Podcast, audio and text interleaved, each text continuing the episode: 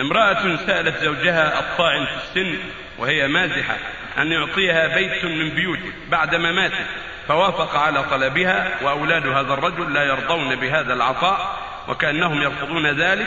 وقد كتب أبناء أخي هذا الرجل تلك الوصية وكلموه مرة أخرى فقال إنه موافق على ذلك.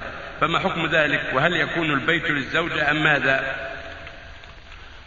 يقول النبي صلى الله عليه وسلم إن الله قد أعطى كل ذي حق حقه فلا وصية لوالد ليس لها وصية.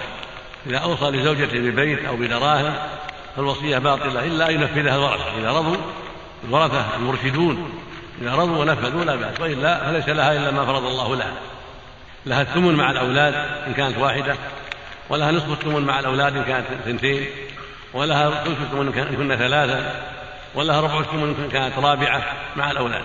فإن كان ما له ذرية يكون لها الربع وإن كنا اثنتين الربع بينهما وإن كنا ثلاثة ثلاث بينهن وهكذا الأربع. المقصود ليس لها وصية إلا إذا سمح الورثة وأعطوها فلا بأس إذا كانوا مكلفين مرشدين. ولو كانت الوصية من الثلث من الثلث أو غير الثلث إذا أوصى لها ورضوا لا بأس نعم.